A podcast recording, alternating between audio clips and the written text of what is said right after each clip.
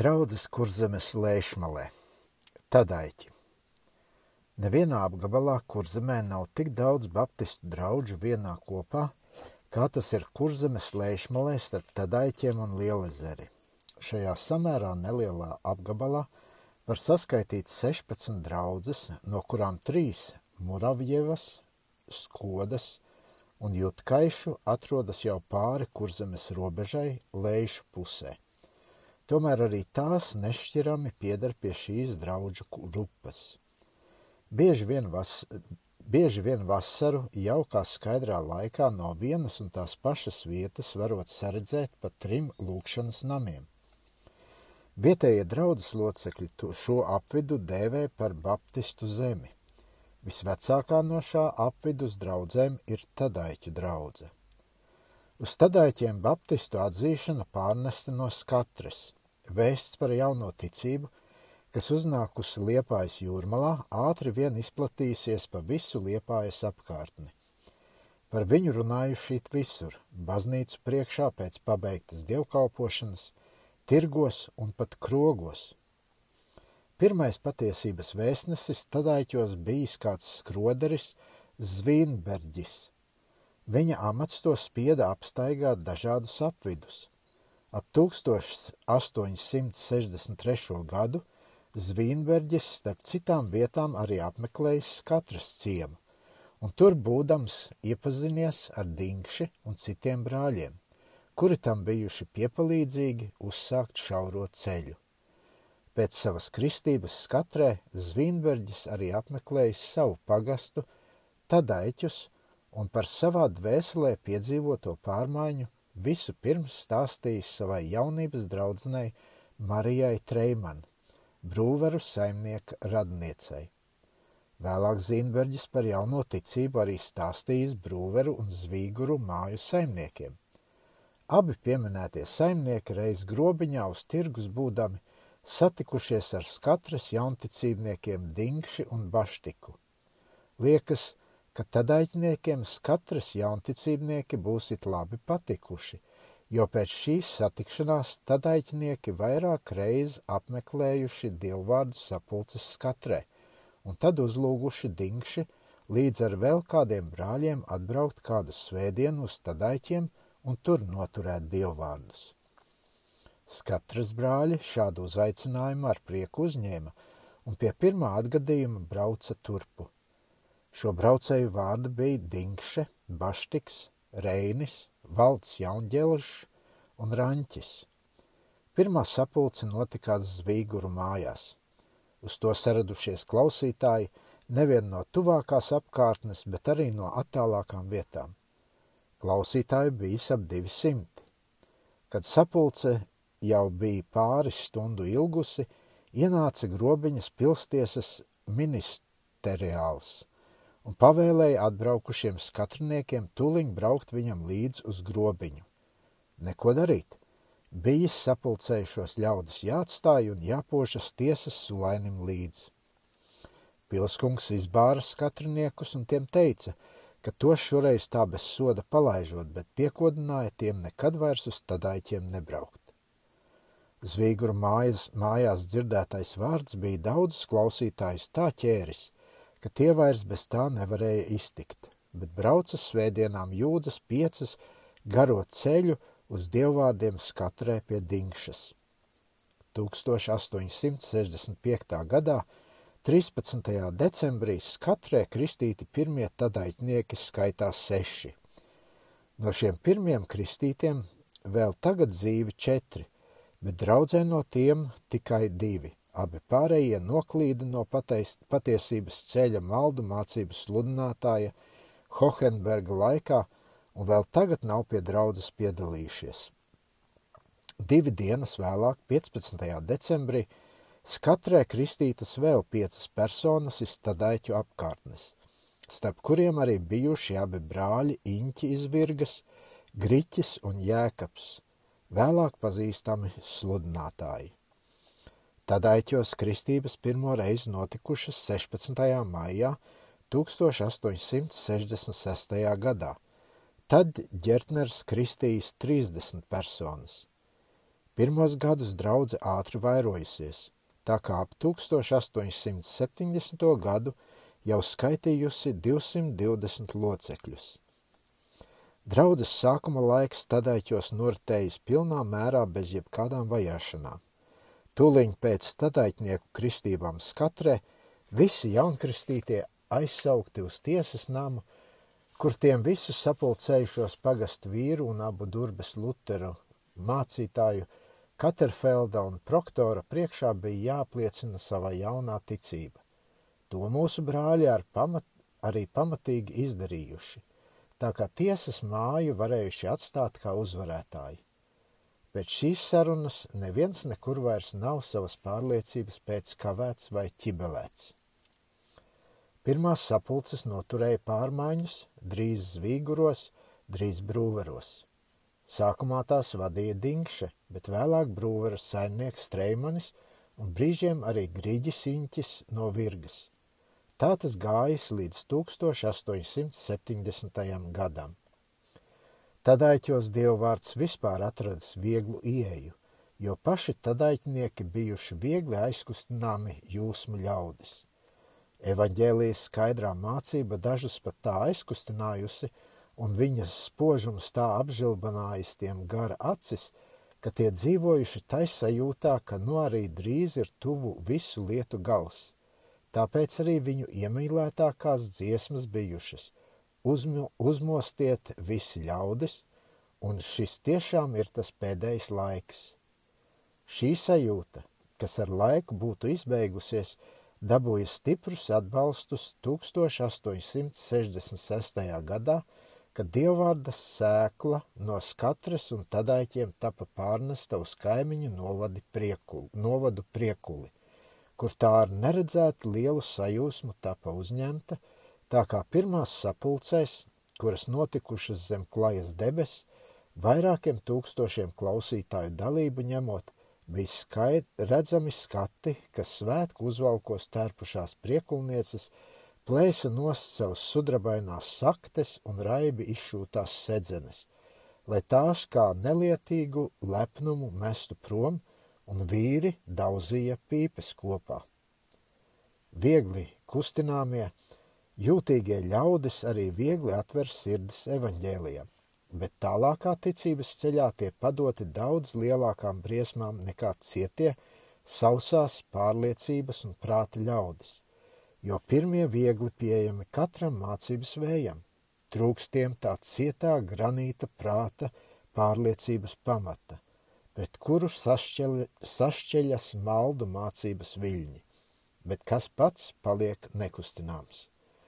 Arī tādaiķu un apkārtnes draudzītes pagājušā gadu simteņa 70. gados dabūja mazumu ciest savas lētticības un viegli kustināmās dabas dēļ un aiz prāta pārliecības trūkuma. 1871. gada beigās no kurzemes uz mēmeli no, no, uz kurzemi no mēmeles atnāca kāds izslēgts mēmeles draudzes loceklis vārdā Hohenbergs – un uzdodamies par baptistu sludinātāju, meklēja ieju dažās lauku draudzītēs un tādu arī atrada. It sevišķi mīļi tas tapis uz tadaiķos uzņemts. Vietējie locekļi bija ļoti kustināti no svešā vācu brāļa atstāstījumiem par saviem panākumiem Dievu valstības darbā ārzemēs, kā arī par viņa siltiem paskubinājumiem uz pilnīgu nodošanos un piederēšanu tam kungam. Sākumā Hohenbergs nav mācījis nekā, kas būtu bijis pretīgs mūsu draugu kopīgai atzīšanai. Mācība Baptistu draudzēji pareiza, tas teicis, tikai par maz svētuma locekļu sirdīs, kura šajos pēdējos laikos ļoti vērā ņemama. Tādaiķu un apkārtnes locekļiem ļoti iepatikās dievbijīgā ārzemes brāļa izturēšanās un mācība, un tie paturēja Hohenbergu pie sevis. Arī Liepājas draudzē tas 1871. gada decembrī meklējis ieiešanu, bet toreizējam sludinātājam Rīsam tas izlicies nevisai uzticams, jo nevarējis uzrādīt draudzes zīmi. Tāpēc Rīs izdarījis par Hohenbergu pieprasījumu Mēmeles draudzes sludinātājam Nīmecam. Pēdējais atbildējis, ka Hohenbergs pirms dažiem gadiem kādā miesīga grēka dēļ no draudzes izslēgts, un tāpēc tam nedrīkstot atļaut sludināt, nedz to pielaist pie konferences, ja tas tajā gribētu ņemt dalību. Bez tam vēl Nīmets izsacīja pārmetumu tiem priekšniekiem, kas Hohenbergam atvēlējuši sludināt un pat vakariņu dalīt. Tomēr šis aizrādījums derējis tikai vietējai liepājas draudzēji. Pārējās šim aizrādījumam nav piegriezušas vērību un turpinājušās ar Hohenbergu draudzēties. Hohenberga iespiešanos lauku draudzīties vēl veicināja tas apstākļus, ka starp mūsu sākuma laika galvenākajiem strādniekiem ģertneri un dingši valdīja nevisai laba saskaņa, kurai par pamatu bija jau pieminētā nesaprašanās jautājumā par kristības nozīmi pēc dvēseles izglābšanas. Šī nesaskaņa it spilgti parādījusies 1871. gada decembrī Piltenes pīkās noturētā konferencē, kur atkal izmainīja domas šī jautājuma dēļ, un Hohenbergs, neskatoties uz mēmeles aizrādījumu, rakstītu tai pašai konferencei, ka tas izslēgts un kā tāds konferencē nav pielaižams, ticis no Dingša un tā draugiem uzņemts par brāli, bet no Ģertnera, Rīsa un vēl dažiem citiem brāļiem uzlūkots par izslēgtu. Drīz vien tika zināms, ka Hohenbergs tadaiķos māca kādu dažās ziņās savādu mācību. Šīs mācības saturs bija ticīgiem jādzīvo daudz svētāka dzīve, nekā to pie draudzes locekļiem redz un jāpiedara Kristum ar visu savu dvēseli un mantu, un to var panākt, ja uzklausās uz Dieva balsi savā sirdī, klausa, ko tas gars saka un bieži vien šis gars pavēlēja tādas lietas, kas Dievu vārdam gluži pretīgas. Hohenbergam bijis apbrīnojams iespējas uz ļaudīm. Daudzi no draudzes locekļiem tadaiķos un priekulē tam padevušies kā apmānīti. Nometies uz dzīvi kāda saimnieka mājās, tas drīz vien tapis par mājas īsto valdnieku. Viss ticis darīts pēc viņa gribas, jo neviens neuzdrošinājies nepaklausīt tam vīram, caur kuru runā tā visaugstākā gars. Pats saimnieks palicis savās mājās par kalpu ienācējiem ārzemniekam.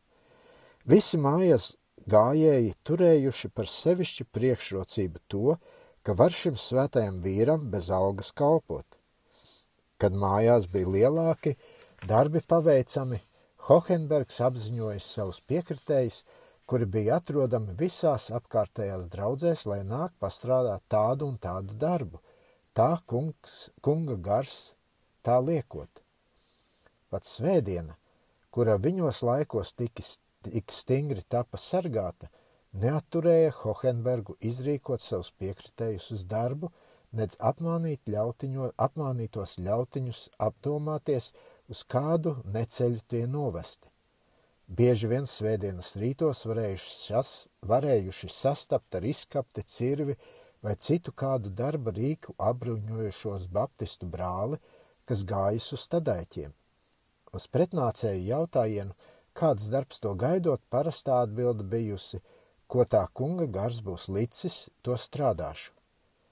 Caur savām gara parādīšanām Hohenbergs gājis tik tālu, ka kājām minis pats svētākos likumības likumus, dzīvojis ar sievām un jaunavām netikumīgi dzīvi tādēļ, ka tas kungs tā to gribot.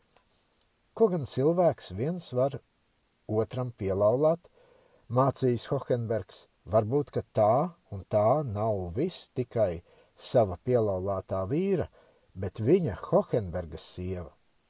Vēl daudz citus maldīgus uzskatus tas mācījis, kā piemēram cūkas gaļas ēšana esot grēks. Tīri apbrīnojams tas apmānītājs spēks, kas gadiem ilgi spējas ļaužu prātus tā aptumšot, ka tie gāja un darīja pretī savai agrākai pārliecībai un pretī veselam prātam. Daudzi no locekļiem drīz vien atjēdzās, ka tiek pa maldu ceļiem vadāti un atstājās no Hohenberga – It sevišķi cieti pret maldu mācītāju uzstājies pēku mājas saimnieks. Hohenbergs vairāk reizes ar to mēģinājis izlīgt, bet bez panākumiem. Formāla draudzes nošķiršanu no Hohenberga piekritējiem tadaiķos izdarījis konferences uzdevumā Priekulas draudzes sludinātājs Niklaus Klābis. Šī nošķiršana izdarīta šādā kārtā. Klābis ieradies tadaiķos draudzes sapulces vietā Brūveru mājās, noturējis dievvvārdus un pēc beigtiem dievvvārdiem uzaicinājis draudzi palikt kopā pie svētā vakariņa baudīšanas.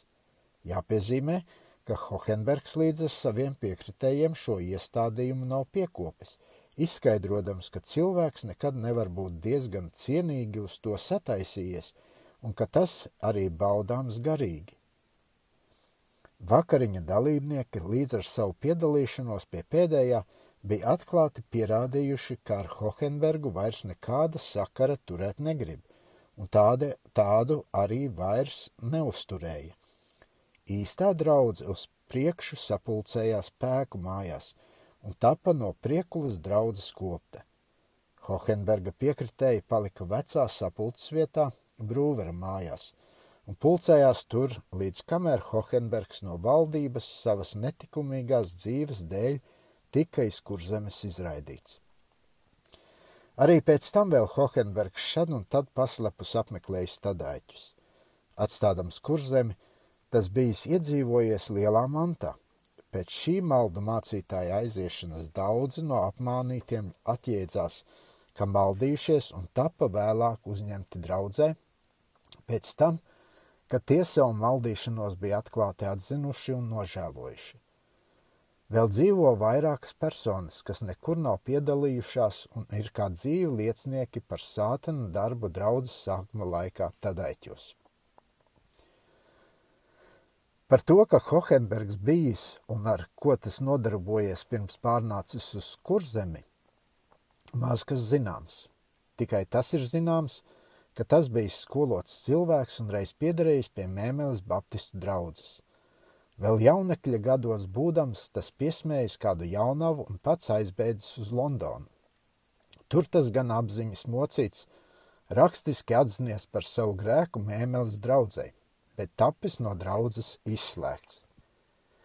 Londonā būdams, Hohenbergs saticies ar ļaudīm, kas centušies pēc svētas un šķīstas dzīvošanas un sastādījuši draudzīti, no kuras 12 gadu laikā, kā Hohenbergs pats teicis, nesot bijis vajadzīgs neviena izslēgt, jo ik viens no locekļiem atradies pilnīgi dieva gara vadībā – Atpakaļ griezies, Hohenbergs dzīvojis kādu laiku mēmelē tīri pieda, nepiedaudzīgi. Pēc tam šur, šur tur klejojis apkārt uz savu roku mis, misionu piekopdams. Dabūjis zināt, ka Liepājas jūrmalā nodibinājušās baptistu draudzītes, tas aizkūlies turpu. Skatras brāļi to aizveduši uz Liepāju, un no turienes tas ar Zvīnberģi aizbraucis uz stadaiķiem. Daži no veciem brāļiem, kas Hohenbergu personīgi pazinuši, domā, ka tas bijis pašapmānīts cilvēks, kas arī pats tam noticējis, ko mācījis, tomēr daža viņa izturēšanās un izteicieni liek domāt, ka viņš bijis viltnieks. Tā piemēram, viņš durbas mācītājiem kādreiz izteicies, ka nu tas baptistus sajaucis kā piparus ar sāli. Nevar liekt, Aprakstītais gadījums ir aptraipījis kādu no mūsu draudzes vēstures lapām. Tomēr šo traipu neesam mēs paši sev radījuši, tas mums uzmests no ārienes. Mūsu vaina tā, ka neesam spējuši no šī traipa izsargāties, bet tomēr tas tikai ķēris vienu no mūsu draudzēm. Visas pārējās draudzes tūliņ pēc Hohenberga ierašanās kurzemē ieņēma pret viņu noteiktu stāvokli. Tā liepājas draudze to jau pašā sākumā atraidīja, un vēlāk izslēdza no draudzes ik katru viņa piekritēju. Arī priekulas draudze drīz vien ieņēma noteiktu stāvokli un darīja tāpat. Patecējušie gadi ir visas šīs lietas apklājuši, tās vēl tikai dzīvo dažu vecu brāļu un māsu atmiņā, un labi, ka tas tā. Bet metot acis mūsu pagātnē, Mēs nevaram šīm lietām aizmiegtām acīm garām paiet. Viņas mums rāda, ka pat svētākie un šķīstākie centieni, dzīšanās pēc svētas dzīvošanas, zem apstākļiem var kļūt par iemeslu noklīšanām uz posta ceļu un atgādina ikvienam no mums mūsu kunga vārdus. Esiet nomodā un skaidrā prātā. Cik smalka pīce ir bijis viltīgās strādnieka tīkls, ar kuru tas ieķēris mūsu draudzes locekļu vientiesīgās dvēseles tadaiķos, varam noskārst no kādas viņa rakstītās vēstules, kura caur atgadījumu ir uzglabājusies un tulkojumā vārdu pa vārdam skan tā. Mēmelē, 1. maijā 1872. gadā. Mīļie, mīļie brāļi tadaiķos!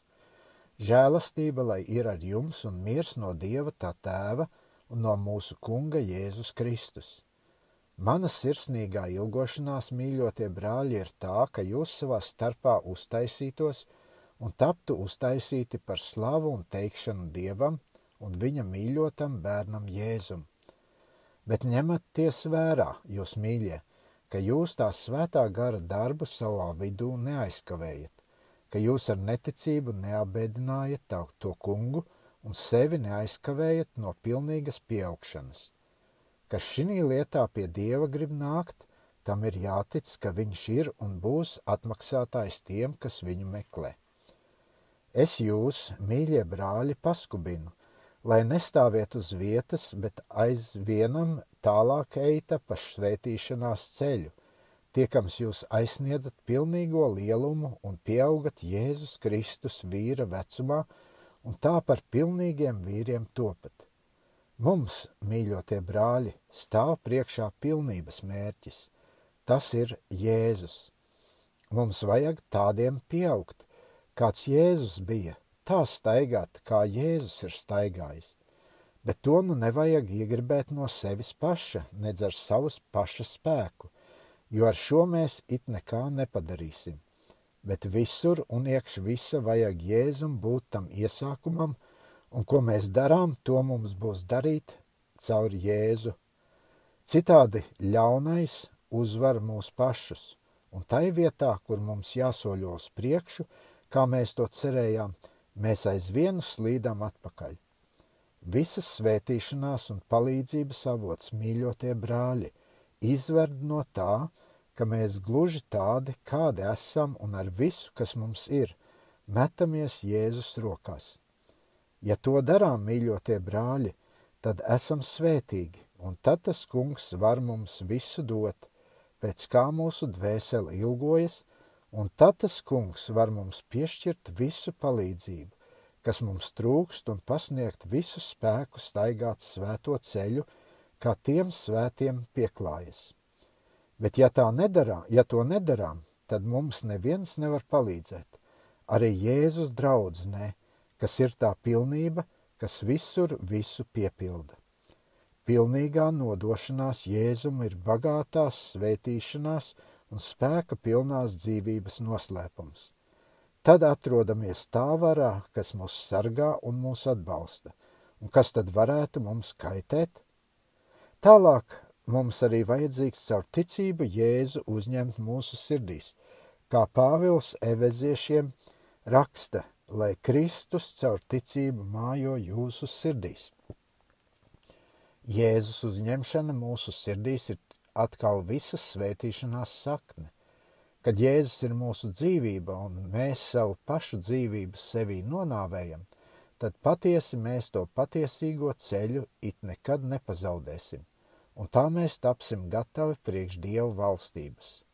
Es zinu, mīļie brāļi, kā jūs maz vai daudz cenšaties to aizsniegt, un tādēļ es jūs paskubinu, lai ar vienu dodaties uz priekšu un to pat šī lietā pilnīgāki un atzīstat, ka tā ir Dieva žēlastība, kas pie jums parādījusies. Par to pateicieties un slavējiet Dievu, kurš izdarījis savu darbu pie jums kas jūs no sirds gribat viņam kalpot un viņam paklausīgi būt. Pazemojieties apakš Dievu varenās rokas, tad viņš jūs savā laikā paaugstinās. Lai neviens no jums, mīļie brāļi, nepieviļas, domājot, ka Dievs ļausies tā, kā mēs to iegribēsim, un ka mēs varēsim viņam kalpot, kā paši par labu turēsim. Nē, Dievs ir taisns Dievs, viņš ir dusmīgs Dievs, un ja mēs vēl kādu Dievu blakus viņam godājam, lai nu tā būtu mūsu saprašana, vai nu tās būtu mūsu jūtas, vai nu tie būtu cilvēku ieviesti un pieņemti likumi, vai cits kaut kas, tad viņš mums aizliegsies, un jebšu mēs būtu viņam par bērniem tapuši, tomēr tapsim izstumti no mantošanas, jo viņš saka, es tevi izspļaušu no savas mutes tādēļ, ka tu esi remdens. Nu tādēļ izēj pats no sevis ārā un apvelc Kristu. Diviem kungiem kalpot, tas neiet. Pieminiet zaulu, kurš nepaklausības dēļ tapa atmests.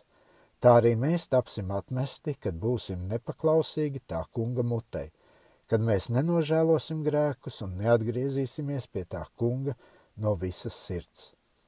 Atminaties vienmēr, jūs mīļie, ka svētums ir mūsu dieva nama jaukums. Tādēļ dzenaties, kad jūs topat svēti ar bijāšanu un drebēšanu, un staigājat bijāšanā, kamēr šeit un mītat, ne ar kalpa bijāšanu, bet ar bērnišķu bijāšanu, mīlestībā, pateicībā par visu, ko Dievs mums ir darījis. Tas ir, ka Viņš mums devis Jēzu un mūs atpestījis no mūžīgas pazušanas, un tā nu šī mīlestībā dzīvojiet ar bijāšanu. Jo Dievs ir tas, kas iekš mums padara to iegribēšanu un padarīšanu pēc sava labā prāta. Un tagad, mīļie brāļi, es jūs pavēlu tā kunga žēlastībai. Vienīgi viņš jūs var darīt cienīgus viņam kalpot pēc viņa patikšanas, un lokaties daudz apakš viņa varanās rokas, mīļie brāļi, nāciet vienmēr un ar vien atkal pie Jēzus, lūgdamies un nopūsdamies un pie viņa kājām nabagodami. Viņš patiesi liks tai taisnības saulē drīzi uzaust jūsu sirdīs, ar pestīšanu apakš viņas spārniem, un jūs iziesiet un ieiesiet un ganības atradīsiet. Tai laikā jūs sacīsiet, mēs tev pateicamies, kungs, ka tu dusmīgs bijis uz mums, un tava dusmība ir novērsusies, un tu mūs iepriecini. Tad ar prieku jūs smelsiet ūdeni no pestīšanas avotiem un sacīsiet tai dienā, pateiciet tam kungam, piesauciet viņa vārdu, dziedājiet tam kungam, jo viņš ir darījis augsti teicamas lietas. Aleluja! Āmen! Es sveicinu jūs, mīļos, ar miera skūpstīšanu. Miers lai ir par Izrēli. Es sveicinu brāli Frici Karkliņu, un to otru frici un lūdzu, ka jūs tam kungam itin klusu izturētos. Es sveicinu visus tos mīļos brāļus un māsas, kurus pa vārdiem nepazīstu, bet zinu, ka viņi mani mīlē. Es sveicinu jūs visus, kas jūs gribat Jēzum staigāt pakaļ un patiesībā mīlēt. Sveicinājiet tos mīļos brāļus Pormsātē, to mīļo brāli Stelmaheru un viņa mīļu sieviņu un Miķeli un to draudzi. Tas kungs nāk drīz, pieminiet mani. Jūsu, jūs mīlēdams ceļa biedrs uz ciānu, Karla Hohenberga. Tālākā tad aiķu draudzes gaita ir mierīga. Pēc pārdzīvotām jukām tā skaitīja vairs tikai dažus desmit locekļus. Pēc klabja nāves – Draudzes vadību uzņēmās tā paliks, palīgs Dienavs, kura vadībā vēl šodien atrodas Tadaiķi un Priekules draudzes. Brālis Dienavs ir viens no mūsu vecākiem strādniekiem. Vēl jauneklis būdams, tas pavadījis mūsu pirmos celmlaužus uz viņu misionas ceļojumiem, kā viņa palīgs un kalpojis vācu brāļiem kā tulks ka tie sākumā laikā nākuši pāraudzīt un stiprināt mūsu draudzītes kurzemē.